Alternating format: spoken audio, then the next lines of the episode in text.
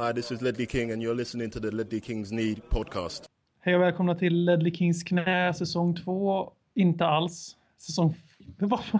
Säsong 3 tror jag. säsong 2? jag tänkte säga säsong 4 efteråt. Säsong 3 avsnitt 13. I detta glädjefyllda dans, dansanta inslag av våran kära podd så är jag med mig Leif Pagrotsky, även känd som Marcus Håkman. Och eh, Sven Sture Adolf Dacke från Smålandsskogarna som är tillbaks efter en statskupp utan dess like där Robin Dronsfield förpassades till Närkes fängelsehålor. Välkommen ja. på Tack, tack. Eh, skönt att vara tillbaka. Skönt att prata lite Tottenham här nu närmsta tiden också. Mm. Ja, det är, det är ju en tid nu när man gärna gör det. Man påminner sig själv gärna de få timmar man inte redan mår dåligt över häromdagen så påminner man sig gärna själv om hur det går för ens klubb i hjärtat. Eh, framförallt måste det vara väldigt skönt för först dig då Håkman av det skälet att eftersom Bayern gick upp i allsvenskan så måste du tas ner på jorden lite igen medans Folin eh, som fick sitt Öster ner i division 1 måste ju givetvis få lite extra skit på sin kvarn. Så att det blir extra tungt nu under vintermånaderna. Mm. Jo, men det, det, liksom, det är ju inte nog med att det regnar här nu i ett halvår i Bergen. Det, det, det går ju fin, fint på, på idrottsfronten. Jag har i alla fall Tingsryds AIF i division 1 i hockeyn som, som trummar på i fin takt där nere. De har börjat mycket starkt och det, det är ju alltid något positivt. Jag håller mig till mitt Lakers, ja. LA Lakers, ja. Hur går det i NBA start? Ingen jävla aning.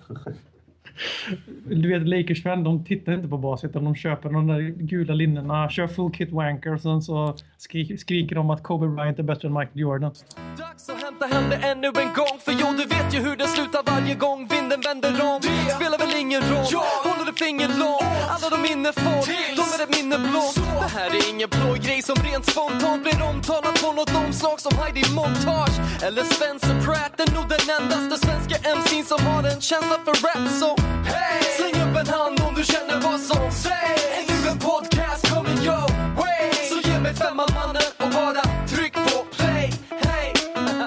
hey! Släng upp en hand om du känner vad som sägs. Är nu en podcast coming your way? Så ge mig femman mannen och bara tryck på play. Hey!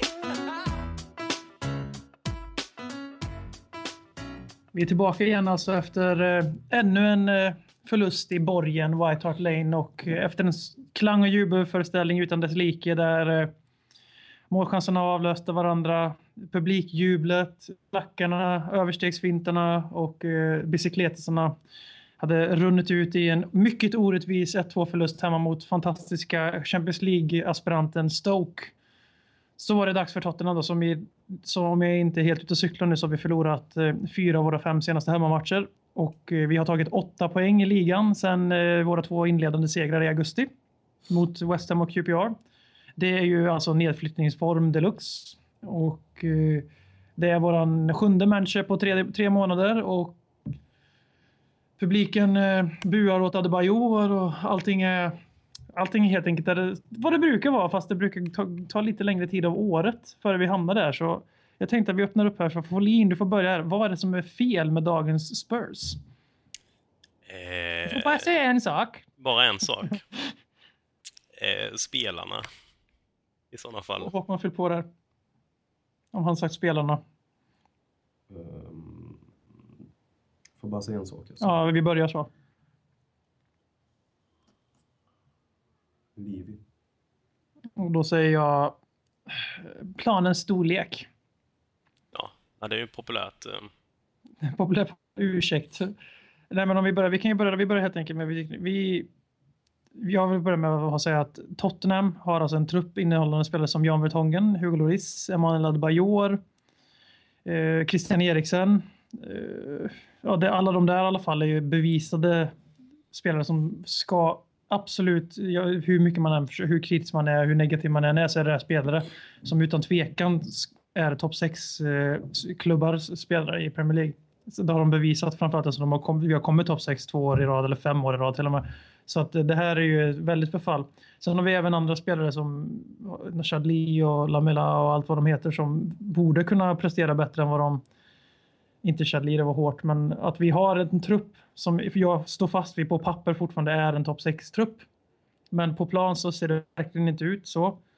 Och det har inte sett ut så även om vi kom topp 6 i fjol. Och då undrar jag, så, är det verkligen så enkelt att det är bara spelarna som är så jävla kassa eller så fruktansvärt överskattade? Eller är det någonting i Spurs? Är det någonting i vattnet ute på Enfield som gör så att de här spelarna blir eh, medelmåttor? Men det är väl att bara säga spelarna är ju för enkelt. Man kanske skulle säga värvningsstrategi ja, Det är ju faktiskt tvingad att säga bara en sak, så det, det var inte ditt fel. Ehm, men alltså värvningsstrategin vi har haft och alltså kompositionen av spelarna tillsammans, den känns ju inte klockren. Det är väl som du säger, om man enbart kollar på fotbollsförmåga så är det ju alltså en riktigt bra trupp.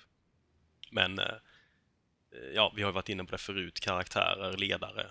Det, även om det borde finnas en viss grundstomme av ledare som, alltså jag menar Jan Vertongen har varit lagkapten, Hugo Lloris är lagkapten i Frankrike. Um, Capo borde väl kunna visa lite mer ledaregenskaper också. Soldado har ju varit kapten i, Val i Valencia. Ehm, men det känns som att vi skulle behöva en typ Scott Parker-värvning eller en Edgar Davids-värvning. En, en uh, William Gallas-typ som kommer in och bara... Michael Dawson, en Huddlestone, en uh, Robbie Keane, en Defoe alla andra spelare som vi har sålt de senaste åren. N någon typ av sån spelare som, alltså en kulturbärare. För vi går in på Håkmans aspekt av allt som är fel i klubben. För det är mycket så, du är inne på det här att, till att börja med Håkman, hur många kulturbärare anser du att, kulturbärare anser att vi har i dagens trupp? Mm. Um, jag vet inte. Det... Ingen känns det som. Alltså det, kulturbärare, det beror på det. Alltså man, Lennon gjort många år i klubben, men han är inte den typen av ehm, ledare. Ehm, du kan ju spela även i klubben i, i, mindre antal år och kunna ses som någon form av kulturbärare. Men ja, jag tror det också, alltså jag tror om det eventuellt att det finns kulturbärare i klubben, men de syns inte för vi har blivit smittade av något virus, av en ehm, vad ska man säga, en eh, attityd som har blivit verklighet inne på vårt omklädningsrum känns det som. Alltså det blev en... Ja, Självuppfyllande profetia om det här. Vi hittar på, spelarna, spelargruppen är ju fantastiska på det här med ursäkter. Eh, om vi inte skyller på Europa League-spel under veckan så skyller vi på planens storlek eller på bety publikens beteende. Och liksom det, det, känns som att vi är så jävla duktiga på, nu säger jag vi som att jag är en av spelartruppen, vilket jag inte är. Eh, eh, den, den, gruppen med spelare är så väldigt duktiga på att ursäkta sig själva hela jävla tiden. Men det, som att det, det är okej okay att förlora på grund av diverse anledningar. Liksom. Det känns som det, alltså, efter jag läste den senaste, det ska vi gå in på lite senare, men jag hoppar in, in i själva artikeln, men jag bara nämner ett namn, Adebayor där. När jag läste den så kände jag att det, har blivit, att det blir mer och mer en vi mot dem-känsla. Mm. Eh, även från spelarna så att säga. Jag hoppas på att spelarna vill visa supporten att det kan eventuellt trigga spelarna. Jag är rädd för att så inte är fallet på något sätt, att det inte kommer trigga. Men det, alltså det, det har värvats, vid, så det här raset, jag satt och tänkte på detta igår inför dagens podd, jag skulle liksom, hur man ska formulera detta, för det är så mycket tankar i huvudet.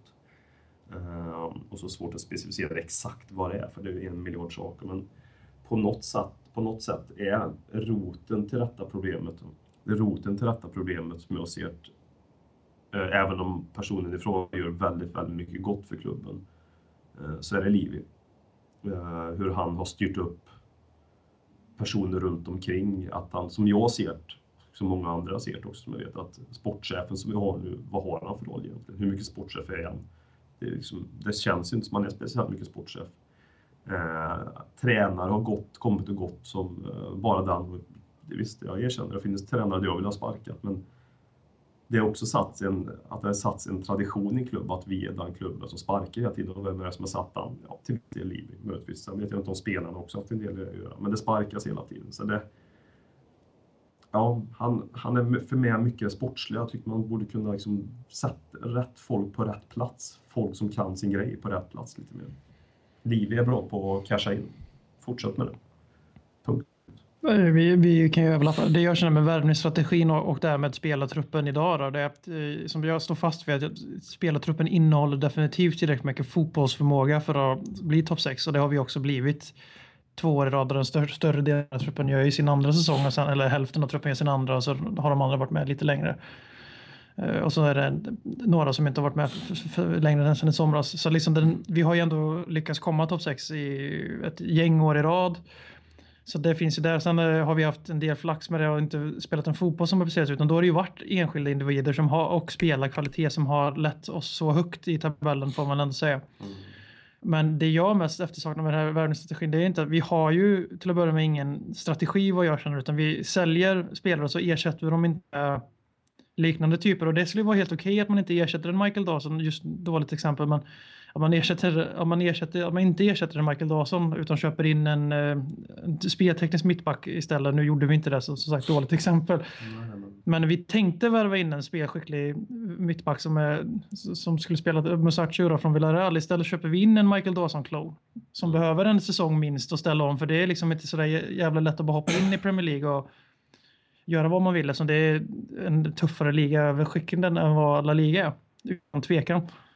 Och jag ser inte den röda tråden. Vi, vi skeppar iväg bollkonstnärer, vi skeppar iväg tvåvägsspelare och så köper vi in de billiga budgetalternativen som inte är första alternativen. Och det, vilken jävla tränare vi än har så är det så.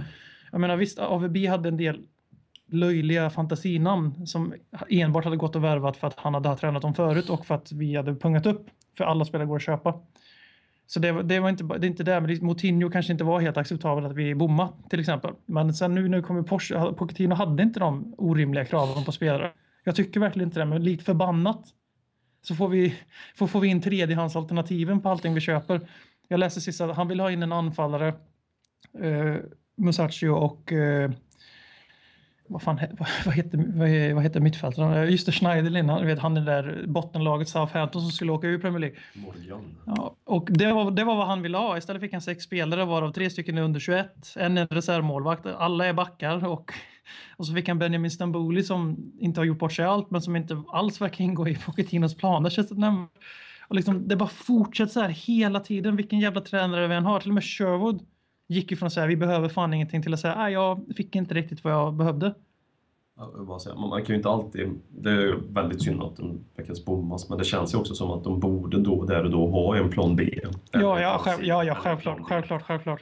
På spelarnamn, om vi inte får han så... Det känns bara som att inte tränaren har varit med och valt dem. Nej, men det, det, det var jag också tycker. Det var det bara. Mm, för annars är du helt rätt. Och jag tycker också det här med, med, bara för att avsluta det jag sa med livet, att jag tror att det här är ett resultat av många år utav lite smått misskött i klubben sportsligt så att säga, som inte har funkat. Det här har ju som inte börjat för ett år sedan. Backar man bandet så känns det som att detta börjar Alltså resa neråt börjar någonstans när Harry Redknapp skulle bli förbundskapten. Ja, absolut. Och därifrån har vi successivt gått ner och haft panik för att komma tillbaka. Och när man jobbar ja. i panik och inte jobbar långsiktigt, som vissa andra klubbar gör, så, uh, så alltså då, man skulle köpa upp den där miljarden från Gareth Bale. Det var viktigare att köpa upp miljarden än vad man egentligen kanske köpte känns det som. Och så skulle man spela in alla sju samtidigt också istället för att göra det gradvis och allt ja. vad fan. Alltså det... Nej, då, och då när vi fick in Bale-miljarden så skulle man ju möjligen, det kanske är lätt att säga nu i efterhand och det är antagligen väldigt svårt att göra just då, men man kanske bara skulle suttit på pengarna ett tag. Försökt hitta, få in Två, någon tre. spelare, kanske släppa upp fler yngre istället. Mm. Och sen, för just då också så blev ju alla spelare Tottenham försökte signa mycket dyrare eftersom alla visste att Bale var han var såld även om han inte och, var det. Jag tror vi fick betala 55 miljoner pund för Lamela och Soldado allt som allt och det kommer ju inte betalas ut de där med summorna eftersom de inte lär ha nått upp till några prestationsbaserade krav än så länge. Men att, är Livi nöjd med det tror du? det, det, det, sjuka, det, du vet, det sjukaste är nog att han är nog inte, han tänker nog lite så, ah, men Soldado har ju floppat så, så han kostar egentligen bara 12 och det kan jag fan få om jag säljer han. Mm. Så, mm. alltså, han har gått med sig ändå. Nej, Livi gjorde ju ändå, han gjorde ju vinst på Didier Sokora va? Det är ändå ganska, det är bra jobbat. Det var, Även om jag gillar Sokora. Det var mer en kulturbärare. Ja, ja, ja. Som jag, jag ser, alltså honom. den typen av fotbollsspelare. Ja, kulturbärare är ju för mig någon som liksom känner till klubben och vet vad som förväntas av både fansen och av sportsliga ledningen. Men det, det är ju väldigt orättvist mot dagens spelare att de som förvänt, vet vad som förväntas av sportsliga ledningen är som en vital del av den förändras varje säsong. Men det är rätt så sjukt att vi är i en sån tränarkarusell med tanke på hur stabila vi har varit i topp 6. Nu är vi överdriver jag väl möjligtvis ordet tränarkarusell, men det är som du säger, det är panik. Vi har så jävla Mm. bråttom att komma tillbaka till den där jävla fjärdeplatsen som är så överskattad så det... Mm. Alltså visst, det är klart det är underbart fantastiskt att vara med i Champions League, men vad, som vi sa förra veckan, varför ska man vara med i skiten för om man inte ens tänker tävla som Liverpool till exempel? Då kan det lika bra kvitta. Nej, och sen eh, hade vi en fantastisk, fantastisk upplevelse den Champions Ja, ja, absolut. Vi gick till, vi gick till kvartsfinal första försöket till skillnad från City. Nej, precis. Det är inte riktigt så jobbar inte de i Champions League. Man behöver fyra miljarder för att åka ut i gruppen tre år i rad. Vi möts i Europa League istället. Nej, men alltså nej. Ja, Och den här eh, paniken som råder kring att eh, hamna i topp fyra, eh, den är ju till stor del skapad av fansen också. Absolut. Eh, för det finns ju någon slags självbild av att vi är ett Champions League-lag och har varit det i 30 år. Man glömmer bort att enda gången vi har varit där innan var 62. Två titlar på 24 år, en topp fyra, pla- eller två topp fyra Ja, och, och, men, och detta har ju liksom smittat över sig. Den, den, eh, eller ja, det fansen har önskat har ju smittat. Den paniken har ju nått in i, måste ju ha nått in i, i, i styret i klubben också och spridit sig som eh, någon pest där inne. Och, ja, nej, det, det är ju svårt att se vad det är de vill uppnå riktigt med värvningarna. Som du säger, vi har mittfältare, innermittfältare som är halvdugliga så det rinner över, men vi har ingen som är det är ju något som är det mest frustrerande också, det är att man, det är ju jättesvårt att säga, förutom Hugo, liksom vilken är given i Tottenham. Mm. Det finns Det- inga det- spelare det- som är sådär, oj, han kan inte starta, det kommer vara katastrof. För det är bara, nej, det... Exakt som Sherwood sa, alltså, det var ju obegripligt då själva orden i sig, men alltså när man matchar för matchness. Vi har en jättefin, stabil trupp, men vi har väldigt få som sticker ut positivt eller negativt. Mm. Och då blir det så här, vi har väldigt få som kan leda när det verkligen blåser. Och vi, jag trodde vi hade det i Adebayor det har vi när han är på humör och Tim Sherwood tränar. Och det är sam, tyvärr får man väl börja placera in Christian Eriksen i det facket också som Mm. hade det tufft hos, under AVB och nu verkar ha det precis ännu tuffare hos ännu en taktiker då, som är den bilden man har av alla som inte är britter och medan Sherwood inte är taktiker. Då. Nu var ju- just Sherwood var väl inspiration, tränare, men att han fick ut det bästa av Eriksen markant och sen alltså Eriksen är inte samma spelare. Så det är klart att för mig så var Eriksen lika given som Hugo Lloris när den här säsongen började och Emanuel Adebayor mot min stora vilja. Men Våren var väl roligare än hösten än så länge också. Så den här, ja, det får man ju. Spelmässigt också. Ja, ja, absolut. För det var ju Men- det som, som du var inne på innan BM, att eh, de senaste åren har vi lyckats hamna ganska högt upp till stor del bara på grund av väldigt bra spelarprestationer. Eh, Och under AVBs första säsong var det till stor del Gareth Bale. Under Sherwoods del här så var det ju Adebayor. till stor del Eriksen och Adebayor. Mm. Och Hugo också, han bidrog ju till att vi plockade lite extra poäng. Ja. Men nu i år är det ju oerhört svårt att se vilken det är som... Just, för, just på grund av att de två verkar ju helt ha lagt ner planerna på att vara de som... De, de försöker ju inte ens. Jag blir alltså... Jag blir, nu ska vi inte sitta och prata, men alltså sist mot Aston Villa, Christian Eriksen blev alltså utbytt i paus. Mm. Alltså, det, tänk om vi hade bytt ut, alltså den här jämförelsen är väldigt hård, men alltså, tänk om vi hade bytt ut någon av van der Vaart eller Bales epitet i paus. När vi ligger under på hemmaplan. Alltså det, det säger precis allt om hans säsong och hans insats sist. Och eh, ja, Ja, men det, vi, har, vi, har, alltså, vi har ingen ute på planen. Alltså, ute på som planen. taget. Som, som brinner, som är en jävla tjurskalle som hatar. Så in, de, de hatar ju att förlora annars som de inte kommer upp på den nivån. de. Men som det verkligen syns och kan, som kan smitsa av sig, rent bildligt talat, till sin medspelare. Ehm, som avskyr det här och förlora liksom. Och nu, nu är det ja, tjateri gånger hundra, men och BM kommer ju runka av mig för detta. Men Holtby är ju en sån spelare. Nej, men han, han har ju, de, han har ju de, de attributen i alla fall, eh, tycker jag. Eh, och där skulle, han skulle kunna vara en inspiratör och smitta av sig. Det vet man ju själv om man, om man är inne i ett rum med människor som är positiva och har lite glädje omkring sig. Det smittar jag på en. Även om man kanske har en dålig dag, lite förbannat, så är det motsatta. Nu säger jag inte att vi är elva munterrökare, men man blir påverkad av hur människor är runt omkring en. Och eh, tyvärr har vi en Adebayor som påverkar människor runt omkring oss nu tror jag. Delvis av några andra. Att, ja, det, vi, ska, givetvis, vi ska göra en djupare analys av Pochettino senare upp i avsnittet, men det måste vi bara snabbt. Alltså beslutet att välja Kabul och Adebayor som några av lagen och två, tre kaptener. Det kan man ju säga i efterhand då, just nu sitta och säga att det kanske inte var det bästa med tanke på att han uppenbarligen verkar tro att bara för att man är kapten så måste man spela från start varje match. Det, jag trodde ju att det här var en Michael Dawson kaptensbindel, liksom att han är kapten för att han är kapten, men han behöver inte nödvändigtvis spela för att vara kapten. Men eh, tydligen så har vi gått tillbaka. Det är ju givetvis mest konventionellt att man har sin kapten på plan. Men jag trodde inte att det skulle vara så i det här fallet, utan att det var mest för att han var som ledare på träningsplan. Då. Men jag hade fel. Och eh, Nej, för- det sårar oss varje match. Ja, för när, när den eh, utnämningen kom också så kände man ju att ja, men det kanske ändå var okej för att han hade varit där längst. Eller av Ja, ja kandidaterna men i precis. alla För fall. man Loris tyckte, var ju kaptenen tänkte man. Ja, men så var det ju uppenbarligen inte. Jag, ty jag tycker kaptensvalet, ursäkta så fortsätter jag bara säga. Kaptensvalet tycker jag inte alls är fel, tycker jag inte. På något sätt. Nej, men alltså effekten av det, eller att, den Att han blir spelar att han varje måste match. spela Det hela måste tiden. vara därför han spelar varje lite- Ja, ja, då är det ju fel. Ja, för kapten Kabul, ja, det har jag inga problem mot. Men Mm. spelaren Kabul just nu, ja, inte när Jan Verdongen sitter på bänken i alla fall. Som har varit överlägset minst dåliga våra mittbackar. Mm, och det säger inte så Så är det. jävla mycket i och för. Nej, och eh, att Adebayor fick vicekaptensrollen hade man ju någon slags vag förhoppning om att okej då, det, kan, det kanske kan leda till att då bryr han sig, då, då lägger han inte ner. Men det, att han skulle prestera på grund av att han fick det, men det, ja, den taktiken, om det var tanken, det har ju inte funkat jättebra det heller. Vi- var inne på det, så vi får avrunda så här, kulturbärare och spelare som är inspirationsspelare eller som drar när det blåser och liksom får tillbaka glädjen. För det är det vi, alltså vi saknar ju glädjen. De, de lider ju på fotbollsplanen. De tycker ju inte det är roligt att gå ut på planen. Då är man mer eller mindre slagen på förhand och man är rädd för att förlora. Och det tycker jag verkligen kännetecknar dagens Tottenham. Jag menar, det säger allt om vår säsong där Ryan Mason är en av glimtarna. För all ära, vad är det han gör egentligen förutom att visa passion? Precis det som alla hatar på Loose Hoppy för, att det enda han bidrog med var passion och pass, passningar framåt. Men det minner inte ut särskilt jävla mycket. Men det syns för att det, i det våra dagens mellanmjölkspurs så räcker det med att man inte ger upp så fort det står 0-1 så är man liksom en av fansfavoriterna direkt.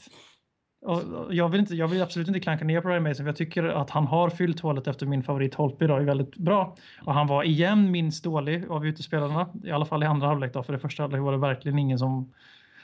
Men och sen är det likadant att vi har liksom Harry Kane, poängkung. Visst, inte särskilt mycket utgjort rättat i Premier League, inte heller rättvist för han har inte spelat så mycket i Premier League än. Ja, han kommer in nu mot och får spela från start, missar upp ett mål och det var vad han gjorde den matchen. Och ändå var han en, den som stack ut för han försökte hela matchen. Han kämpade. Kyle Norton, samma sak. Man frågar fan inte efter mycket. Alltså, han tar ett rött kort som jag tycker är helt briljant.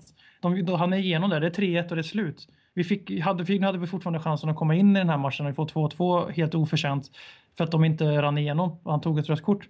Ja, och det är samma sak där. Alltså, vi måste ha spelare som är beredda att göra sådana grejer. Jag menar, vi, våran lysande stjärna är Kane offensivt. Sen har vi Lamela som har gör massa poäng men som inte märks i spelet så mycket. Inte i ligan i alla fall. Och vi har liksom ing, vi har inget, det tickar, vi har ingen som utmärker sig positivt. Förutom Harry Kane och Ryan Mason skulle jag vilja säga. Det är liksom, det, ribban är väldigt låg i Spurs just nu för att sticka ut positivt som utespelare.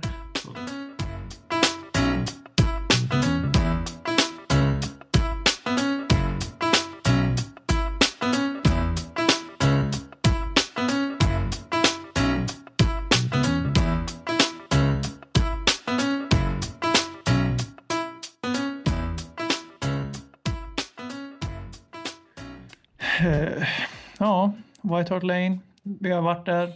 Det brukade vara en borg. Det brukade vara bra fotboll. Det brukade vara bra tryck på läktarna.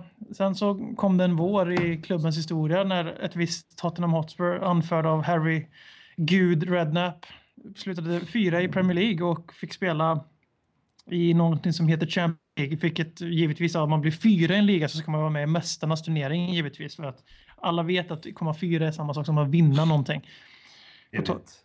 På enligt Arsenal. Eh, Men, eh, och allsvenskan där fyran får medalj. Av någon helt oförklarlig anledning. Ja, det är rätt skönt. Lilla broms. Ja. Jävla Stora, stora silver, lilla Nej. silver, brons. Broms heter det. Det är bara broms. Lilla broms. Det är femman det kanske. Ja, precis. Från ja, ja. Och att eh, sen efter det så har det här ju givetvis en agenda jag upprättar nu mot Tottenham-supportrar. För jag hatar er alla. Det är att eh, sen vi var med i Champions League så har White Hart Lane inte varit, har suttit och väntat på att bli underhållna och det har blivit en självuppfyllande profetia.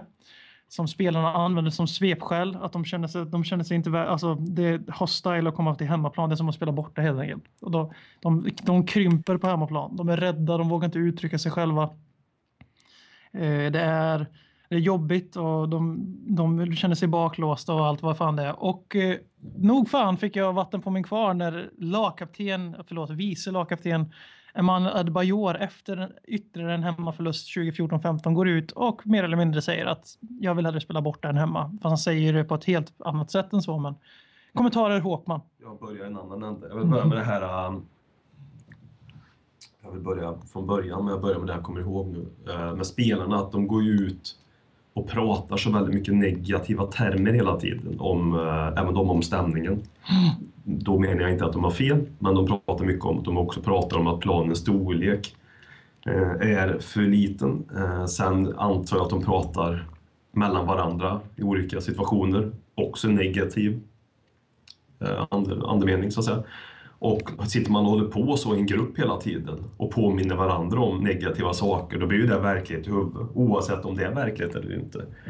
Skulle jag hålla på en hel dag så är jag ju värdelös jag är hela tiden. Och det här kommer inte gå bra, nu kommer jag göra ett dåligt jobb, nu kommer jag jag inte lyckas med ditten eller datten, då kommer jag inte lyckas med någonting. Eh, så jag, där tror jag faktiskt det behövs någon form av jävla beteendevetare helt enkelt. Nej, Vi, behö- är, Alltså, vi behöver en mental coach i det här så att- laget. så, så att Utan tvekan. För, för, att, för deras skull som människor, så att de får ett annat tänkesätt. För nu, nu har det blivit en verklighet allt det där. Och jag säger inte att det inte är sant, jag säger inte att det är bra stämning på White Lane. Men det blev så stor fokusering på allt det negativa. Så allt det som eventuellt kan vara positivt, att spela i Premier League, att bo i London och spela inför 36 000 Han spelar för, i Tottenham. spela för Tottenham och ha, ha alla de här spelarna och alla de här, det, det tänker man inte på längre utan man bara tänker på allt det där som är negativt och negativt och negativt och negativt och då blir det, tar det överhand mer och mer och mer till sist. Uh, nummer två, stämning på White Hart Lane, ja det var det länge sedan det var. Ja. Jag vill backa bandet ännu längre tillbaka men Ja, ja. har blivit sämre successivt. Men det är också med kravbilden att göra. Det är ju den baksidan av att gå framåt. Att nu, Och så förväntar lite- sig, nu förväntar sig folk eh, nu är inte topp fyra framgång längre på det samma sätt. Nej. Eh, Nu är det ett, ett eh, inom citationstecken, ett krav på något sätt. Sådär. Så det hänger väl Det är minimum på något så här sjukt sätt. Det spelar, Ja. ingen roll, det spelar ingen roll om vi... Det är både minimum och jättebra. Ja, liksom, Alltså, ja, men precis. Både, konstigt sätt. så konstig paradox. För att alltså, både om vi tar poängrekord och gör eh, lika mycket mål som det här Rednops hejdagar som lag, då är det fortfarande skit och piss för att det inte görs på rätt sätt. Mm. Och sen eh, när vi kommer fyra, som vi gjorde andra gången med Red, när vi kommer fyra och bommar på helt sjuka regler, i, som är helt, så fruktansvärt orättvisa regler, då är det också då är det bara Spurs. Allt liksom det, Ja, det är det negativa. ja, det är, vi, det är en självuppfylld profetia som vi lever i just nu. Att det är Och det är, negativt. Allting runt Tottenham känns negativt just Där nu. lever vi också. Ja. Och det är ju också ett vanligt supportbeteende. Sen måste jag bara säga om det här med, med, med, med, eh, med stämningen också. Eh, att... Nej, vi tar det senare istället. Skit i det. Ja, Folin, om Adebayors uttalande mer, mer konkret om Adebayors. Mm. Han gick ut och sa, det var inte riktigt så rätt fram som rubrikerna från alla nyhetskällor vill antyda att han eh, bara dissar fansen eller att han bara går ut och svingar mot dem.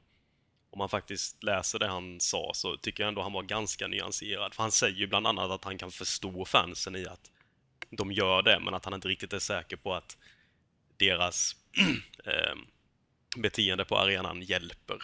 Han, han säger väl till och med det att jag kan förstå att man buar ibland, men det, det hjälper inte oss. Och att han menar att, eh, ja, att spela hemma har blivit som... Liksom, det hjälper inte alls. Det, Det, Det far, det, finns ingen hemmaplansfördel helt enkelt. Nej. Och det, det smärtar ju väldigt mycket, för det minns jag ju när, när liksom vi inte ens hade speciellt bra lag, så visste man ju att spelar vi bara hemma så kan det gå. För där gjorde vi, kunde göra... Åt båda hållen kunde vi tappa eller liksom komma igen från stökiga lägen. Vi kunde ju tappa 3-0 och vi kunde vända 0-3. Um, ehm, och fansen kändes som att de stod alltid bakom laget på något vis. Men det är ju sedan Champions League-säsongen um, ja, eller kanske Och det har, det, sedan det har väl varit så en stund. Rednaps sista säsong där. Någon gång på våren när, vi, när det började gå tufft för oss. då började du gå ut för och det har ju inte hämtat sig. Det har ju bara varit en kontinuerlig nedgång i... Men det var, ju- det var där och då som det känns som att supporterskaran delade, började delas i de här jävla falangerna som vi fortfarande Mm. har kvar. Oavsett vem som sitter på tränarbänken eller vilka spelare var på plan så är det alltid falanger som ja, som vi pratar mycket om i dagens terminologi, alltså agendor och så, liksom, att det är jävligt viktigt att ha rätt om enskilda spelare och tränare snarare än Mm. att det går bra för Tottenham. Ibland så uppriktigt upplever jag själv är skyldig till att jag letar, jag väljer ut vissa som jag försöker skydda och därmed blir blind för deras svagheter.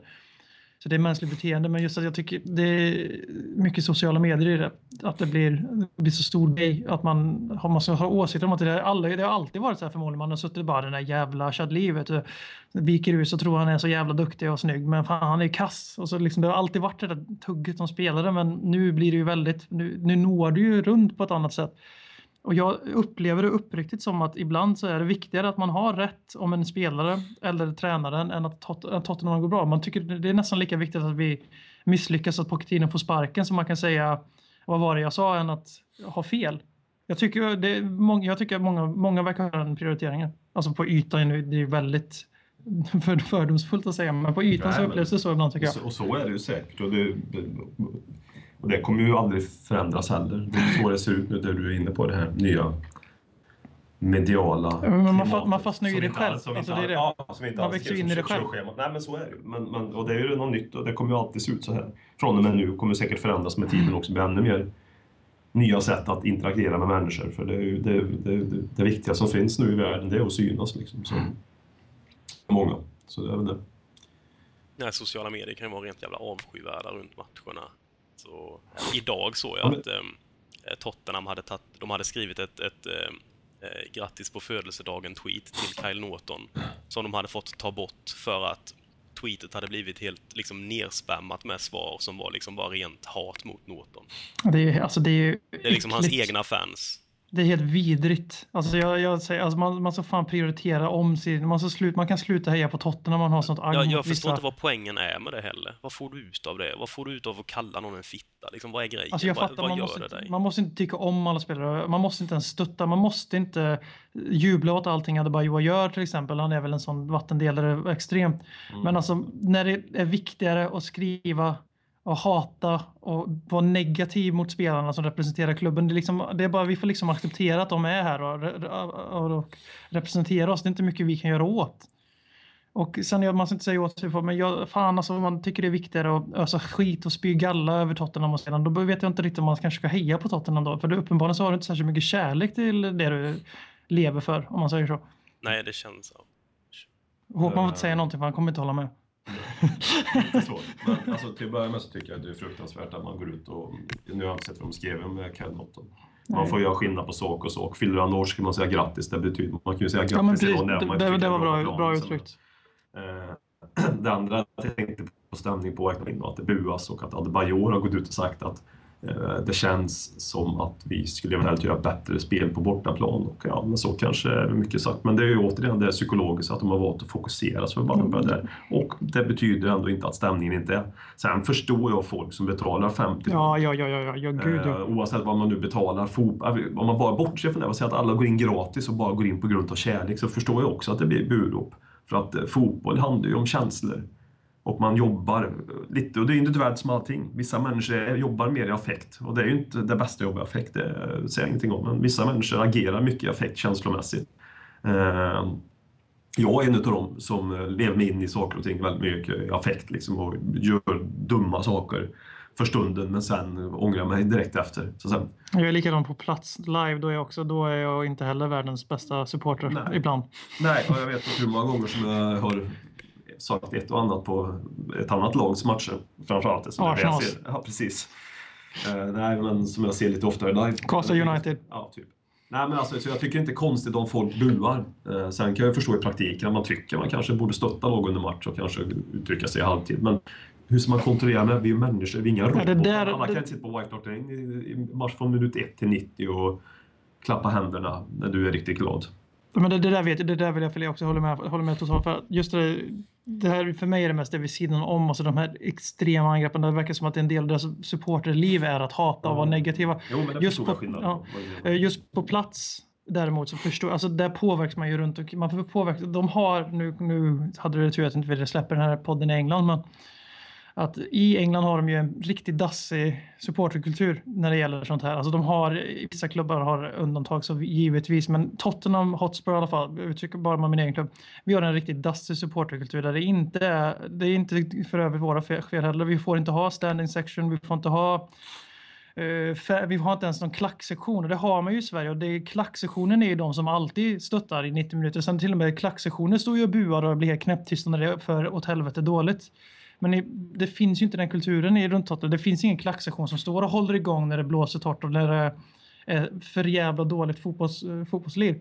Det, ja, ja, men precis. Det, jag menar liksom att det är inte bara, det är inte så jävla lätt att stå där och vara positiv och, och dra igång ramser och stötta i 90 minuter när liksom varenda människa runt omkring dig på en session visslar, sitter och kollar i sin smartphone istället för att stötta. Det är liksom inte så jävla lätt att dra igång någonting då. Det har man ju på ett annat sätt i Sverige då på idrottsarrangemang. Då har man ju en klack att stå i. Sen får man inte stå upp i England heller. Nej, precis. Så liksom det är inte inte enbart så enkelt, liksom, men att, så jag förstår varför folk buar, absolut. Jag hade definitivt buat om jag var White Lane i, i, i söndags. hade jag definitivt buat efter matchen. Om jag fortfarande hade haft någon livsvilja nog att bua då, för jag hade förmodligen eventuellt suttit i min stol helt håglös också. Mm.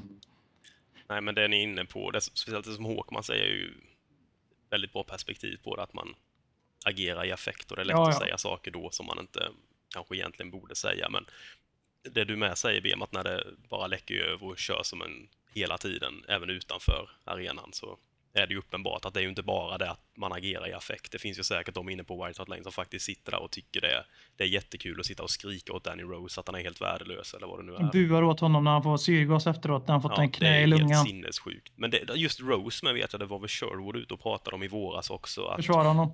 Ja, när han stod och skrek åt några Tottenham-fans att ni, ni ska ju liksom, ni ska stötta honom, ni ska inte hålla på och kasta, eh, vad säger man, abuse åt eh, era egna spelare. Och för mig, för mig är det också helt oförståeligt, varför gör man det? Vad är poängen med att liksom dissa din, dina egna spelare? Varför ska man försöka sänka dem för? Ja, det är skillnad på Alltså när man går till verbalt angrepp på sin egna spelare, det, det, har jag aldrig förstått. Men man lever in sig i... Ja, men det, då... Förlåt, nu visste jag vad du skulle säga innan. Så fortsätt. När man lever in i, i, i, i affekt, alltså rent missnöje, så kan det ju komma ut vissa jo, ja. saker om uh, spelare. Kanske, man kanske inte säger namnet, man, man kanske jävla idiot eller någonting i den stilen. Uh, kanske ännu värre ibland, men du förstår jag menar. Men när man, om man går ihop sig för att nästan medvetet ett gäng i en officiell liten grupp för att sänka lite spelare och görs det till sin plikt. Ja, men det är väl fel. Jag, det, det, jag fattar att det inte hjälper om man, om man håller på och buar och håller på. Jag förstår, det, det, liksom, spelarna fattar ju själva om de inte är bra. Tottenham-spelarna förstår ju själva om de inte är bra nu så fattar de säkert också att de inte är bra. Ja, det är Då hjälper ju inte att bua men ja, fan, man jobbar ändå med... Fotboll är, för mig är fotboll Alltså det är ju känslor till mycket. Liksom. Alltså det är ett intresse men framförallt är det ett sätt där man kan leva ut känslor på ett sätt som jag inte kan göra någon annanstans i samhället. Det är en drog liksom. på det sättet. Jag, får inte, jag har känslosvallen jag får i fotboll eller sport det finns ju inte någon annanstans. Så det är för mig ett drog, ja, drogmässigt beroendebeteende. Ja. Och det måste, jag måste få leva ut. Liksom, jag kan inte... Jag kan inte jag, fan, det, annars går, jag går man ju bärsärk någon gång och klubbar ner några dagisbarn eller någonting istället. Så. Mm.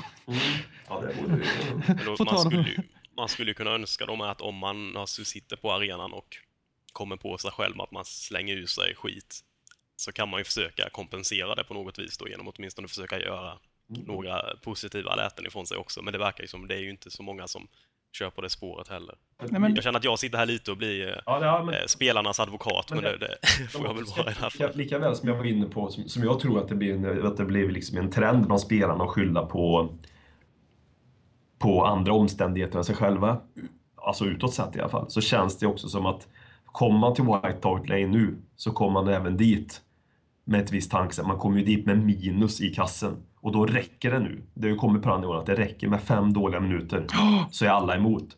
Alltså har man haft en liten framgång då, då är ju tålamodet mycket högre upp. Det kan, jag, alltså, jag brukar inte dra sådana paralleller, man kan ju bara till Hammarby. Liksom. Jag vet, ju har varit de senaste fyra åren i Superettan förutom detta som har gått bra, när liksom det räckte att det gick de senaste åren, alltså det, två dåliga pass första två minuterna, så var det lynchstämning nästan. Så var det negativt, Nej, ja. lynchstämning var det men det Ja, var det var negativ negativt, stämning mm. på, på, på arenan. Eh, och jämför med i år så har ju folk ett helt annat tålamod där. Nu när det går bra. Så det hänger ihop mycket med det också. Hur man, Ja, ja, vad man ja, kommer det är bli med för känsla som, som um, supporter. Ja, Jag skulle ju nästan vilja se att, eh, att några ur spelartruppen skulle köra någon slags sån här italiensk övning som de brukar göra ibland när eh, kaptenen eller några spelare går och snackar med fansen. Mm. Liksom bara prata ut med dem, för nu känns det som att gapet emellan spelarna och fansen är tokstort och det görs inte mycket för att det ska bli bättre heller. Ehm, och någon sån grej hade ju kunnat åtminstone skicka signaler om att ja, men okej, vi behöver nog varandra här i.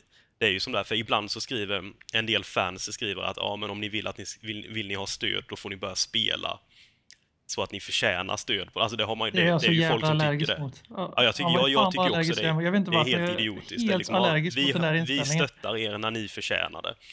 Medans, och sen finns det ju spelare som nästan säger att ja, men om vi ska spela bra måste ni stötta oss. Båda parterna måste ju fatta att ni är ju beroende av varandra. Det här är ju, det är ju liksom ett, ett deadlock här. Om båda står och tänker det så kommer det ju aldrig bli något av det. Ni behöver liksom varandra för vi är klubben ihop.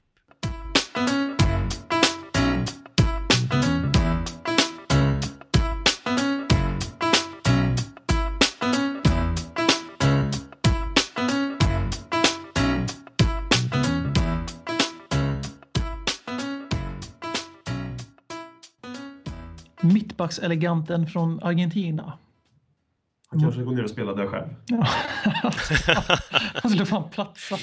Lätt Och ansvar. eh, se, se till att eh, odla tillbaka det här fina håret han hade. han Jag är besviken när han har klippt bort det faktiskt. Ja, det- det hade man ju velat se bänken. Men det var väl det här där och då. det- Bielsa var väl Argentins förbundskapten på den tiden. Då, då fick man väl inte ha långt hår. Jag vet att Fernando Redondo missade ut VM 02 för att han vägrade klippa sig. Ja, den är inte schysst. Nej, hade... Fast vad har man för priori- Vad har man för prioritering dock om man inte klipper sig för att få chansen? Ah, okej, nu, nu, nu sidospår här. Principsak. Ja, det var inte alls det vi om. Men man älskar ju samtidigt hur principfast han är. Vad jag ska Ja, ha absolut, mitt hår. Absolut. Ja. Liksom sann till sig- själv. Det vill man ju se. Jag respekterar på något sätt, för med han att säga att det är ju inte Nordkorea vi bor i. Liksom. Det, där bestämmer de ju tre fri- frisyrer. Om man inte är... Kim Jong-Un? Ja, eller, ja heter han så, han som var innan nu? Eller Kim Jong-Un som är nu? Ingen aning. Nej, han som var innan, han hade ju någon jävla hög... Det är Obama som styr Nordkorea, det är en marionettstat. Ja. På tal om marionettstater så vill jag prata lite om vår kära tränare Maurizio Pochettino som nu är inne på, vad blir det? Han har varit här, ja han har nästan varit ett halvår i klubben, inte riktigt men nästan. Han har ett år kvar. Ja. Han har fyra och ett halvt år kvar på kontraktet men vi uppskattar väl att han ryker antingen i december eller i maj om det fortsätter så här. Ytterligare sidospår. Vi sparkar två tränare på samma datum. Vi sparkar Ramos, jag tror det var 28 oktober, och Martin John 28 oktober. Så han har överlevt i datat i alla fall. Ja, det, är, alltså, det, det är starkt. Det är strångt. Nästa 28 oktober. då. Ja. Mm. ja.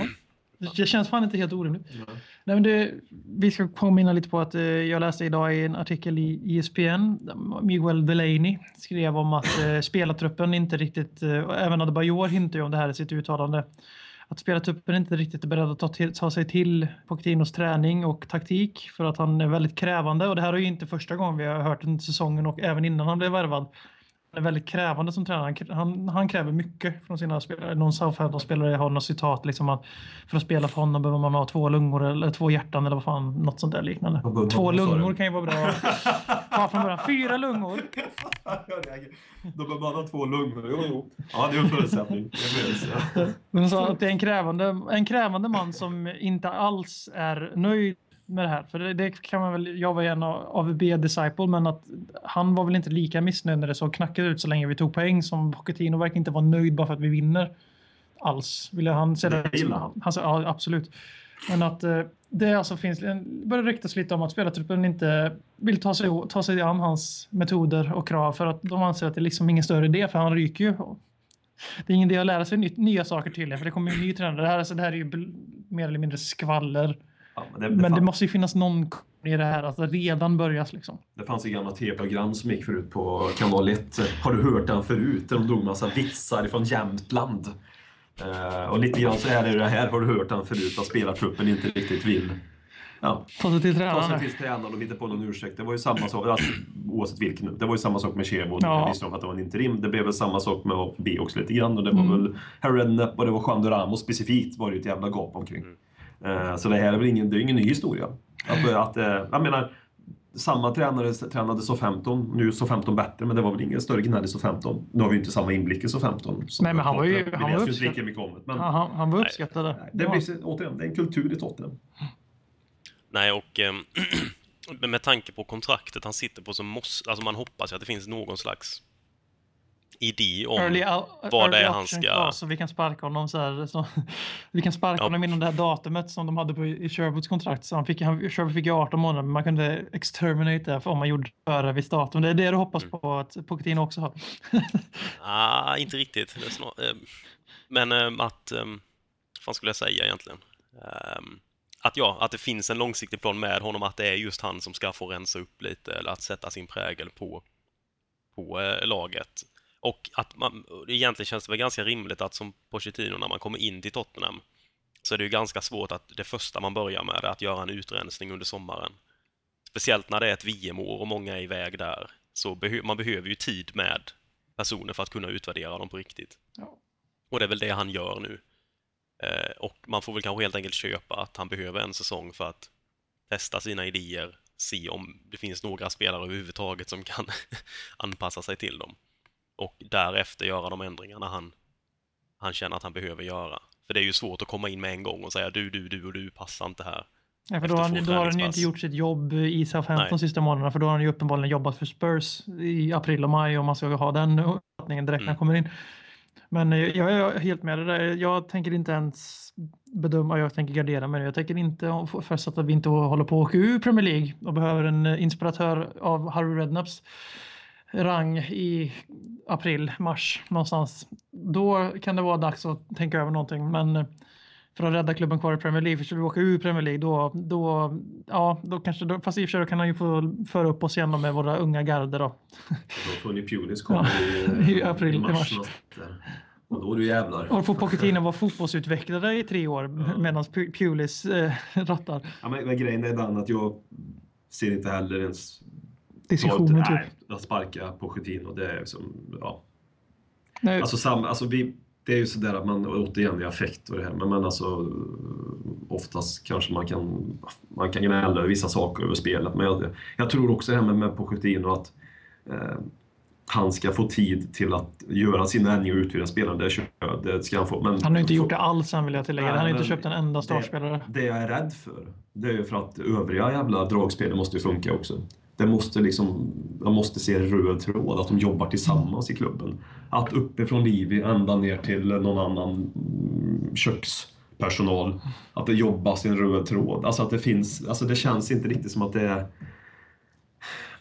Alltså återigen, det är bara känslan de sista åren har varit så att det köps spelare som kanske egentligen inte skulle vilja ha. Och man, alltså det, det, här, det, är en spelare, det där är en spelare som Bandini vill ha, det är någon som Livi tycker är vettig att köpa och det är, no, det är någon som Pochettino vill ha. Men hur vi egentligen leta efter en viss spelartyp, vi söker den här typen och hittar vi inte den spelartypen, nej, men då får det väl ändå vara, det är ingen idé. Det är det jag är rädd för oavsett vilken som är tränare förstås. Det, det, och, och den typen av värvningar, den har ju egentligen funnits i Tottenham. Jag menar, sedan Martin Jolls tid också. Det var ju när Darren Bent och Kevin Prince Boateng köptes in så kände så det var väl nästan till och med så att Joll sa när Boateng blev köpt att jag vill inte ha honom. Liksom det var, nu får jag väl se om jag kan göra någonting med honom. Så det är ju inte en, en ny tendens det här. Det är ju snarare ett, det var ju ett undantag kändes det som under Harry Redknapp-tiden. Vi hade ingen sportchef då. Nej, då fick ju Redknapp bestämma. Mm. I princip. Jag menar, jag har oerhört svårt att tänka mig att Livi hade signat eh, Zaha och Nelson annars. Ja, Det, har- var ju, det är ju liksom, det, det skriker ju Harry Redknapp ehm, över de värvningarna. Men det är väl nästan den enda tränaren, jag vet inte på hur många år, som har haft mandat till att plocka in sina lirare. Känns det lite som. Jag- Jag jag vet att Frank Arnesen har fått mycket skit, men jag gillar dem, den policy vi hade kring klubben då. För då hade vi ändå en policy, även om det var olika som köpte den, så skulle vi satsa ungt och brittiskt. Sen behöver det inte vara den policy vi jobbar efter. När man, då Nej, men det, vi- det är då, tråden då hade vi en tråd i alla fall. Vi köpte Carrick, vi köpte Huddlestone. Eh, det var ju fler vi köpte än de två naturligtvis. Men det var ju ett gäng vi köpte där och då. Och då, ja, då fanns det ändå någonting. Upplevde jag. Defoe kom ju där också den vevan köpa ungt och brittiskt. Lennon. Ja, ja, men exakt. Precis. Nej men eh, ja, alltså med Pochettino, jag tror fortfarande, jag, han, ingenting är ju förändrat på de här månaderna. Jag är väl givetvis negativt, negativt överraskad då gällande spelet för jag tyckte det i början såg ut att det faktiskt var lite Pochettino-fotboll men det har blivit mindre och mindre av det och det är ju en formsvacka visst och det är andra aspekter också. Till att börja med så har vi ju inga ytterbackar, eller vi har en ytterback som har det tvåvägsspelet i sig. Vi har det inte på högerkanten och blir obalans. Och, men det är så enkelt är ju inte fotboll så bara för att vi inte har Kyle Walker så rasar hela spelet. Förhoppningsvis. Men eh, som, som, som, det är ju ingen slump att vi har jävligt svårt att utspå våran bästa elva, eller framförallt inte våran bästa, bästa elva behöver inte ens vara, utan Pochettinos fa favoritelva. Alltså visst, vi hade den där veckorna när vi hade en helt annan elva i Premier League än vad vi hade i Europa, men han fortsätter ju lite förbannat att rotera, så jag tror precis som Tim Sherwood var inne på i våras att våran startelva tar inte ut sig själv direkt.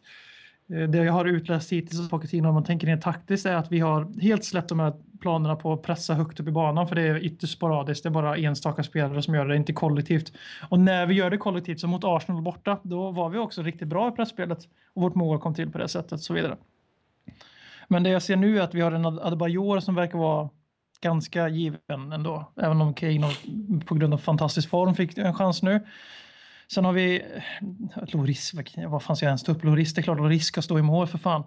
Och sen också Capo verkar vara en viktig spelare i taktiken. Alltså, hans roll, alltså den där typen av spelare. Och sen även Lamela är väl den som har spelat mest. Han är ju med i båda lagen så att säga regelbundet. Sen om man inte varit startelvan jämt ständigt så är han ofta med på planen varje match. Så den typen av spelare efterfrågas, efterfrågas också i, i Pochettinos fotboll. Men eh, annars vet fan alltså. Ryan Mason har ju inte lämnat laget sedan han kom in. Så det börjar ju forma ut sig men det är ju mittbackarna, nej. Liksom, vem som spelar på de 4-2-3-1, vilka som spelar trean i olika varje match, även om Lamela oftast deltar i någon form. Eh, Danny Rose spelar mycket också i och för sig. Så liksom det, det börjar bli ett litet embryo av vad det laget han vill ha, den typen av spelare han vill ha, men det är inte där än. Och han är väldigt duktig på att uttrycka det genom att inte ta ut de andra spelarna. Paulinho till exempel. En sak som jag tycker är lite oroväckande där, och det kommer ju lite rapporter också om att han eh, har, gjort, han har gjort vissa justeringar för att få kortsiktiga resultat också. Och, eh, och det jag kan tycka där lite är att, som du säger, att i början av säsongen tyckte jag man såg spår av, man såg ändå sådär, "Ja, men det här pressspelet ser rätt intressant, Sunderland borta till exempel, kanske inte det svåraste motståndet att spela mot, men det såg ändå lovande ut. Men det känns som att de tendenserna som fanns i början är helt bortblåsta. De dyker, de dyker inte upp. De har inte gjort det under de senaste Vi spelar, vi veckorna. spelar inte likadant längre. Det gör vi verkligen inte. Vi spelar possession-fotboll igen nu. Det, Och det, det, det tycker jag i alla fall är, är oroväckande att han, att, att att han redan det börjar vackla. Ja. sig. Det är Ja. jätte, det, förhoppningsvis är det personalbristen då. Att det, inte, att det inte är att han är så svag i sin egen ideologi. För då kommer inte det här bära ut frukt ett längre samarbete. Men vi får hoppas det, baserat- eller det då betyder det att vi har några rockiga säsonger framför oss. Om vi ska städa ut, vilket jag hoppas och tror att vi kommer börja göra i januari och september. Och efter de två fönstren kan vi förhoppningsvis börja få en bild av det nya Tottenham. Men eh, det är en sak som han har lyft väldigt mycket själv, Pochettino, väldigt oroväckande många gånger, att han pratar jävligt mycket om att förändra spelarnas mentalitet. Och det är alltså, det har vi, inte vi, utan det har Tottenham-supportrar suttit och skrikit om i år. Men när det kommer in en ny huvudtränare och han är så fruktansvärt tydlig med, vi måste förbättra vår mentalitet. Vi måste, vi, vi måste agera bättre när vi släpper in ett mål. Alltså, sådana här grundläggande saker. Så det verkligen behövas en ny tränare för att börja arbeta med det här. Det var en snubbe i våras som pratade om Ja, det jo, det, det, det var det definitivt. Han, men han eh, sa bara, bara klokheter. Ja. Eh, Nej men det... det Han pratade mer om stolthet ja, också. jo, men men, han var ju ändå inne på det här. jag. Lite grann så. Eh, Det blir vad jag tänkte jag komma till. Ja, fan. Ja, nu fick du in din Sherwood. eh, du annat tappar, nu, tappar, också. nu tappar du allt. All, Jag tappade allt fokus. jag- Hjärtat började slå lite snabbare och eh, pirret i magen kom. Eh, Blod strömmade åt fel håll. Ja, eller... Ja, Eller rätt håll Eller ja neråt. Det var första gången vi skämtade i podden nu då. Det var ju positivt. Ja, vi börjar släppa lite nu. Vi börjar bli flamsiga. Vad hade du på hjärtat då? Ja, jag kommer inte på vad det var. Det- var någonting efter något utlägg där. Med mentalitet. Ja, just det. Panik. Mm. alltså det, återigen, om det nu börjar bli så att han börjar ändra på sina grejer så tidigt, Pochettino, så är det det med paniken i klubben, att det är så stressat att få resultat så snabbt. Jag har faktiskt helt uppriktigt lagt placering åt sidan. Jag vill bara se ett spel som lyckas utvecklas nu och går åt ett håll. Jag ser spelare som börjar komma in i Tottenham och börjar få, få tillbaka att, det, att folk på arenan, att det byggs upp någonting igen, en kärlek kring Tottenham. Det är mycket viktigare om vi blir 14 eller om vi blir 8 just nu. Utan spelet, att, att man ser en, en utveckling i spelet är det viktigaste. Mm. Ja, får det ta absolut. tid. Det, Jag, jag också vi är helt, på den helt- nivån nu, så vi helt- kan inte helt hålla med. på med annan. Vi kan inte gå och drömma om en, det är klart vi kan gå och drömma om en fjärde plats men Vi ligger ju faktiskt bara fyra poäng efter, men, Ja, det, men- det, poängen ljuger. Alltså, Ja. det, så är det bara. Poängen Det- ljuger. Det, det är faktiskt så, poängen ljuger. Ja, det gör de. Nej, men det är så. Jag sa innan säsongen, Europa, jag vill ju att Tottenham ska spela Europa varje säsong och det är ingenting jag tänker förändra. Men jag skulle absolut inte skrika efter någon avgång om vi skulle bli 10 12, så länge vi inte åker ur som sagt. Ja, det och inte ens då, för då är det lika bra att ha kvar tränaren. För vi- då vill, om man får stanna kvar så vi åker ut, då kan han lika bra bygga ner i Championship också givetvis. Men Göra en Keith Burton-show. Ja, ja. Nej, men att eh, jag vill se att vi tar kupperna seriöst, vilket vi gör, och sen spelet. Att vi hittar, hittar oss själva, hittar en identitet igen. Så placeringen kan dra åt helvete och jag är beredd att det får vara så även nästa säsong så länge vi fortsätter ta steg framåt på plan. Ja, för att- Det är det viktigaste, men tyvärr ser man ju inte det än så länge. Nej, för jag tror fortfarande att det ska mycket till att vi inte ska vara med och slåss om de här sjua. För att det, jag tycker att det är två divisioner i Premier League och det, så här dåliga kommer vi inte vara länge till. Det här måste ju vara förhoppningsvis den värsta formsvackan den här säsongen spelmässigt. Ja, Förhoppningsvis. det, men det är spekulation. Så jag är beredd att ta ännu mer tid. Jag, vill- jag vill att Pochettino, inte så mycket för att jag är så kär i honom, utan mest för vilken tränare vi än hade haft nu, så vill jag, jag, vill jag se en tränare som får mandat. Det måste inte nödvändigtvis vara han som väljer varenda jävla värvning, för vi har en sportchef. Så länge vi har en röd tråd, som Håkman säger. Och att så länge vi fokuserar på att förädla egna talanger, spela vårt sätt och inte bry oss så jävla mycket om vad motståndarna, förutom i enskilda matcher givetvis. Och så lite tålamod och lite glädje. För det är fan inte ens, jag, jag njuter fan inte ens av att vara Tottenham-supporter längre. Jag bara lider hela tiden och det, det brukar blandas upp lite faktiskt annars. Jag menar 1-1 mot Arsenal och man bara yes! Vilken jävla match vi gjorde! Ja, wow, vi tog poäng mot Arsenal. Vi är tillbaka till 90-talet verkligen. liksom det, nej tack. Men något som ändå är positivt med Pochettino att kanske på sikt, det är ju dels att han är en som åtminstone, nu gjorde ju Sherwood också det, men att han åtminstone pratar om att vi behöver träna upp spelarna mentalt också. Jag tror sånt är jätteviktigt och att det är många, många tränare som bara förbiser det. Liksom de tycker att man ger dem the hair dryer treatment i, i paus och det räcker. Liksom, det är all mental träning de behöver, att jag står och skriker och slänger vattenflaskor i väggen. Det är liksom den mentala Det, det, det är de den bilden jag har av Tim Sherwood dock. Ja, men jag, ser, jag ser faktiskt Tim Sherwood som en ganska djup person, tror jag. Jag tror han är en kärleksfull människa. Jag, jag, jag ser lite Pochettino, jag ser lite Sherwood i Pochettino faktiskt. Just det här att han inte är rädd att, alltså han säger inga namn och ingen Skillnaden spelare. var att Sherwood var vinnare. Ja, precis. precis, det är precis. Skillnaden var att Sherwood var en gud. En. Nej, men att jag tycker att, det, att han pratar om de här sakerna, men framförallt han är inte beredd, han är inte rädd att säga även när vi har vunnit. För det var ju Nej. den kära André väldigt dålig på att säga att det fanns saker att Ja, förbättra. utåt, förhopp- förhoppningsvis gjorde han väl inte det inåt. Nej, nej, nej, men utåt Men, gjorde nej, han det det. var ju det oavsett. Det kunde vara... Ja, very good game, vi Ja, have possession. blev, blev statistikblind. Ja. Tyvärr. För, men att Pochettino säger nej, det här var inte bra. Vi hade tur. Och det, det uppskattar man att höra det också. Men vi är väl ganska överens om att ingen här vill uh, dra åt snåren än på Jo, för fan, i förra veckan här. Ja, Sherwood in. ja jo, jo, jo. Är, är det det alternativet som står i vägen? absolut. Då är jag där, då springer jag upp till galgen. För att hänga dig själv då. Jag hänger mig själv med Sherwood. Offra dig. Om det, är det- väg, om det är väg in för Tim så tar jag ett för laget. Ledley Kings knä är icke... Vi vill inte sparka våran tränare förrän vi förlorar nästa match mot Hall. hejar vi på, vilka hejar vi på då förresten? Hall. Ja, det, är mer, det känns ju som det är mer Tottenham i Hall än vad det är i De har, Tottenham. de har ju mer spursiska kulturbärare i klubben än vad vi har i våran just nu i ja, alla fall. precis. Ja, faktiskt. Talkman show, Talkman show, Talkman, Talkman, Talkman show.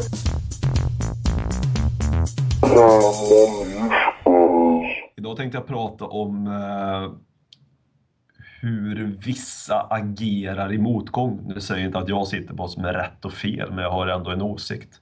Eh, min åsikt är att det finns väldigt många i de olika sociala medierna som ja, hotar med att lägga ner sitt Tottenham-supporterskap för att vi ligger på en eh, 12-13 plats i Premier League och har lite förluster från starten. Och eh, Eh, man känner och klassificerar detta som eh, den värsta tänkbara scenario som kan hända för Tottenham och då sluta titta på dem, ja, då kan man väl lika gärna ja, dra helt enkelt och kanske börja supporta ett annat lag. Eh, supporterskap är ju till 99 procent av motgångar och vilka är vi och har berättigheten till att förvänta oss guld och gröna skogar hela tiden. Och, eh, faktum är ju också per, per automatik att det inte är en bra säsong. Men, och det handlar inte om att man ska heja på Tottenham för att man måste supporta Tottenham för att visa laget i stort, utan det handlar om en lojalitet, en, en, en, en självkänsla, identitet i sig själv som man byggt upp genom att man är en Tottenham-supporter. Och släpper man den så, inom citationstecken, enkelt för att det går lite dåligt, ja, då undrar man har den identiteten som man tror man har. Tack!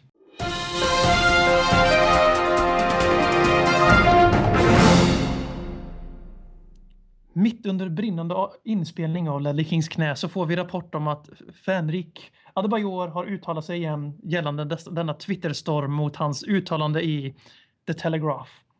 På plats i Twittersären har vi Robert Folin. Vad har Adebayor sagt? Hej BM! Hej! Ja, jag står på plats här utanför Twittersfären och um, rapporterna kommer nu om att Emanuel Adebayor har uttalat sig om uh, han har uttalat sig om sitt uttalande. E- Emanuel säger att I would like to clarify some recent reports in the newspapers. I have never criticized Tottenham's fans. I just merely suggested that it would be more positive if they got behind the team more. I love the club, as do all players in the dressing room. We would do we would all do anything to make this team win, but like most people we respond better to praise than criticism. We will get this right, please bear with us, and we will improve spontant, alltså det, att, att det där är precis allt det jag försökt gnälla om i sociala medier och som jag fått inspirationer av. Att han ska behöva göra det där. För alltså läser man vad han faktiskt säger så är det, där, det är en överreaktion utan dess like. Alltså, tyvärr är det inte utan dess like. Det är alltid så här. Alltid så här. Jag tycker inte han ska behöva dra världens försvarstal för det han säger.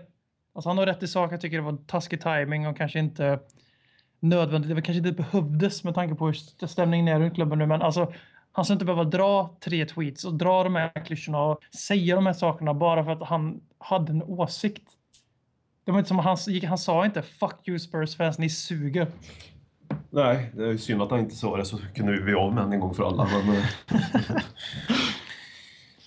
ja, inga kommentarer. Mm. Vissa av de briljanta kommentarerna på Twitter är ju då “The fans have a right to criticize. They pay good, hard-earned money. Ja, rätt i sak. Men det, det, fin, det, brukar, det finns skillnad på kritik och kritik. Som vi får lära oss på lärarutbildningen. En ganska viktig del av feedback och sporra människor är att det finns skillnad på kritik och kritik. Mm. Så du menar att det inte bara är villkorslöst hyllande eller hat? Du menar att det finns något emellan där? Nej. We, Nej, we, okay. ja, jag menar det. Allt är binärt. Mm. Ja. Har vi något mer på Adde? Eller? Det, det, det, är så jävla tragiskt. Det säger rätt mycket om hur negativt allting är runt oss, vår klubb nu när vår vicekapten ska behöva dra den där raddan och säga att vi älskar alla klubben, vi, kan vi inte skäms. sluta definiera honom som vicekapten, även om vi vet att han är vicekapten. Han är vicekapten, Marcus Håkman, och då ska han kallas för vicekapten.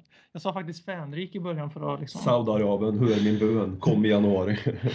På tal om januari, eller kanske inte, jag är inte riktigt säker på vad reglerna när det gäller vanliga anställningar att göra, men Jonas frågar oss på Twitter, att Nygatan här frågan. Vad är viktigast för Spurs att anställa? En ny chefscout, en psykolog eller arga snickaren? Leave out. Folin, du får svara på materiella frågan, där, persona, personella frågan och så får Håkman svara på leave out sen. Eh, jag tycker väl att en, eh, om den inte redan finns, vilket vore märkligt kan jag tycka, en psykolog i, eller någon mental coach, eller vad, någon som jobbar med spelarnas mentala tillstånd så eh, tycker jag absolut det borde plockas in en sådan. Um, speciellt när då, eh, som där, när vår tränare har gått ut och sagt att det är en viktig del som vi måste jobba med, så känns det som att det måste finnas experter på det området också då som faktiskt ska jobba med det. Jag har inget tillägg där. Leave out. Problemet är att Livi själv den biten, gå ner och köra psykologsnacket. Eller så sitter man i kontraktsförhandlingar med några personer här nu. Nej, men Liv, inte, jag tycker inte Livi är out, men jag tycker eh, omfördelning och att man ska kunna lita på sin eh, personal mer runt omkring. Och som jag inte tror att han gör, så helt enkelt. Så nej. Anton Larsson frågar igen då på Twitter. Alla frågar på Twitter. Jag kommer sluta säga vart ni frågar nu. Anton Larsson frågar. Prata om Pochettinos fantastiska maffia-aura. Det är väl inte så mycket fråga utan mer ett uttalande. Och han säger också att han börjar få gott med tid. Vi ska inte sparka tränare varje halvår. Det har vi faktiskt sagt. Men, Men ja, det, men det finns bara en maffia. Det är ju Martin Joll. The Godfather. Så ja, säger Ja, jag. Porsche känns lite som eh, någon rysk som jobbar maffia. under Rysk maffia i sådana fall. Ja, underhuggare. Ja, han är, inte, han är ju inte eh, maffiabossen än. Det är ju inte någon gudfader. Det krävs lite mer kanske. Ja, Eh, men eh, ah, jag tycker ändå att han kan ha en ganska skön aura, fast nästan lite mer så. Ja, han är eh, lönnmördaren som, som städar upp efter... Han städar ju upp de andra som har jobbat åt gudfadern kanske. Ja, Mm. Han har, jo, Hitman-aura. Det, det var, jo, Ja. vi, vi Finns det några i hans dagens man. Tottenham jag tror han skulle vilja göra en hitman på? Vi- När spelare börjar försvinna för länge så börjar vi bli... Vad är det Bentaleb? Mm. Ja, vi har ju svarat på den frågan. Nu, nu vet vi alla vart Bentaleb har tagit vägen. va? Eh, Fabian Odell undrar, kan ni hitta något positiv, positivt för Spurs i dagsläget? I så fall vad? Vi är vi fortfarande... ligger i London och inte i Liverpool. Vi är Tottenham Hotspur. Eh, vi eh, är i kvartsfinal i ligacupen och den som behövs ett- lite flax mot Newcastle så är vi i semifinal och det vore ju fantastiskt kul. Och eh, eh, Kyle Walker är snart tillbaka från sin skada. Kyle Walker hänger i min bil numera också. Ja, just det, det stämmer, det stämmer. Ja, det gör han. Han, hänger i, han hänger, förhöjer din aura i bilen. Jävlar vad han luktar. Extrem. Det känns, det känns varje gång jag kliver in som jag, vad fan, jag blev raggare tänker jag varje gång jag kliver in i bilen. Ja, så Det är som att kliva, in- kliva in i ett uh, myskigt Kicks. Det är en parfymbutik. Ja, det kände jag. Är tur för fan, jag, jag kände min manlighet. Bara, Ja. vi, tycker, vi tycker om så traditionella och min, genus. och, och min, och min nyfunna raggar-aura höjdes när jag inte visste vad du pratade om. När du pratade om sådana grejer. Vadå, absolut. vad fan menar du? Ge mig en grov. Dennis Sjögren får avrunda veckans podcast med en fråga som passar väldigt bra på temat, eller i det underliggande temat som vi försöker få sagt är. Är våra supportrar topp fyra? Vart då? Ja, i Premier League. Mm. Den tycker jag passar en fruktansvärt Det bra är en fråga. bra fråga. Jag håller ju ehm, Crystal Palace högt bara, men det är ju på grund av att de, de bara kör där nere. De är, Jag vet de ju egentligen inte hur de är. Sen vet jag fan, Ja. men de är etta. Eh, Liverpool när de sjunger You never walk alone, det är rätt så mäktigt, men de är så jävla Ah, jag, ja, jag, nej, det, jag tycker det är skitdåligt när de gör det. Jag Ja, men hyser, jag agg på Liverpool, mot Liverpool. Jag, jag tänker inte vara saklig. De är sämst. Arsenal är kassa. De är ungefär lika dåliga som oss. Eh, The Library, det finns två libraries i norra London. Eh, Vi, vi är inte topp fyra någon jävla stans. Vi är som Erik Niva sa när han var gäst i podden. Fick vi det sagt också. Att vi är... Lyssna på det avsnittet för Ja. som inte gjort det. Ja, det är en supporterskara som vi anser oss ha rätt till väldigt mycket. Vi har...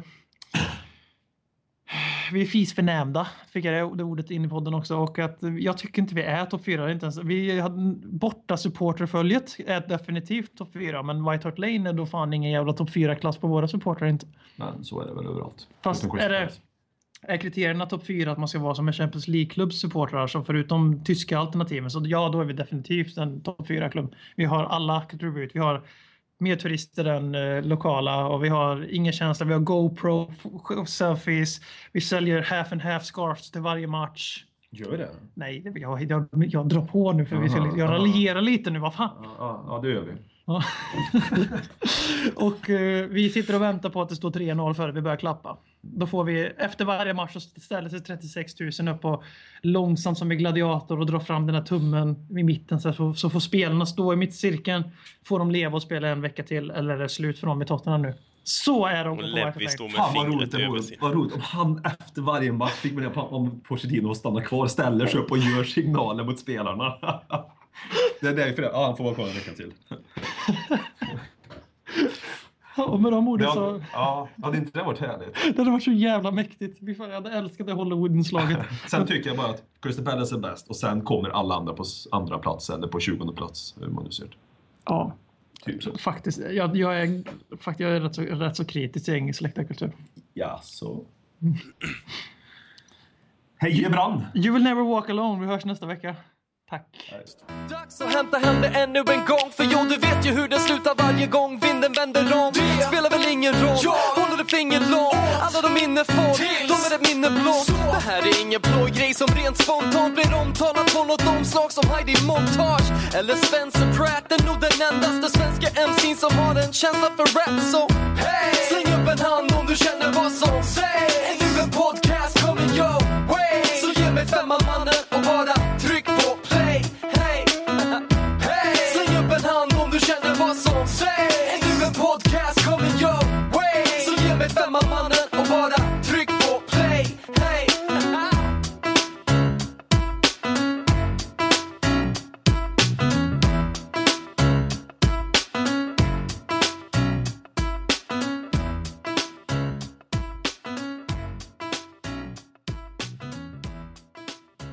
Säg att du, nej, det finns väl inte det. Så säger jag, jo då, det finns det visst. Typ, och så tar jag.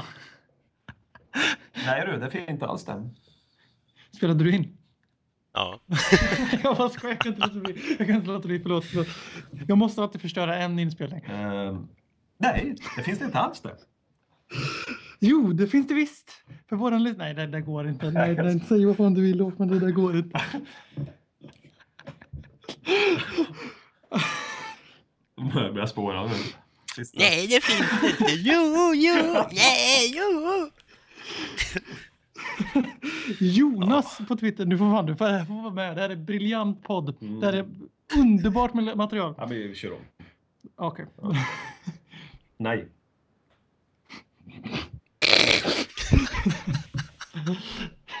Nej. kommer bli så jävla konstigt om man skulle klippt in det. Mm, Ja, finns det egentligen något positivt att säga om Tottenham? Eller finns det något att säga om Tottenham? Nej. Nej. Och sen slå, kör vi outrot. Jag vet inte vad du ska droppa. inte jag heller. Klipp igen, klipp igen och så. Vad kan du klippa någonstans precis innan så att jag kan, före jag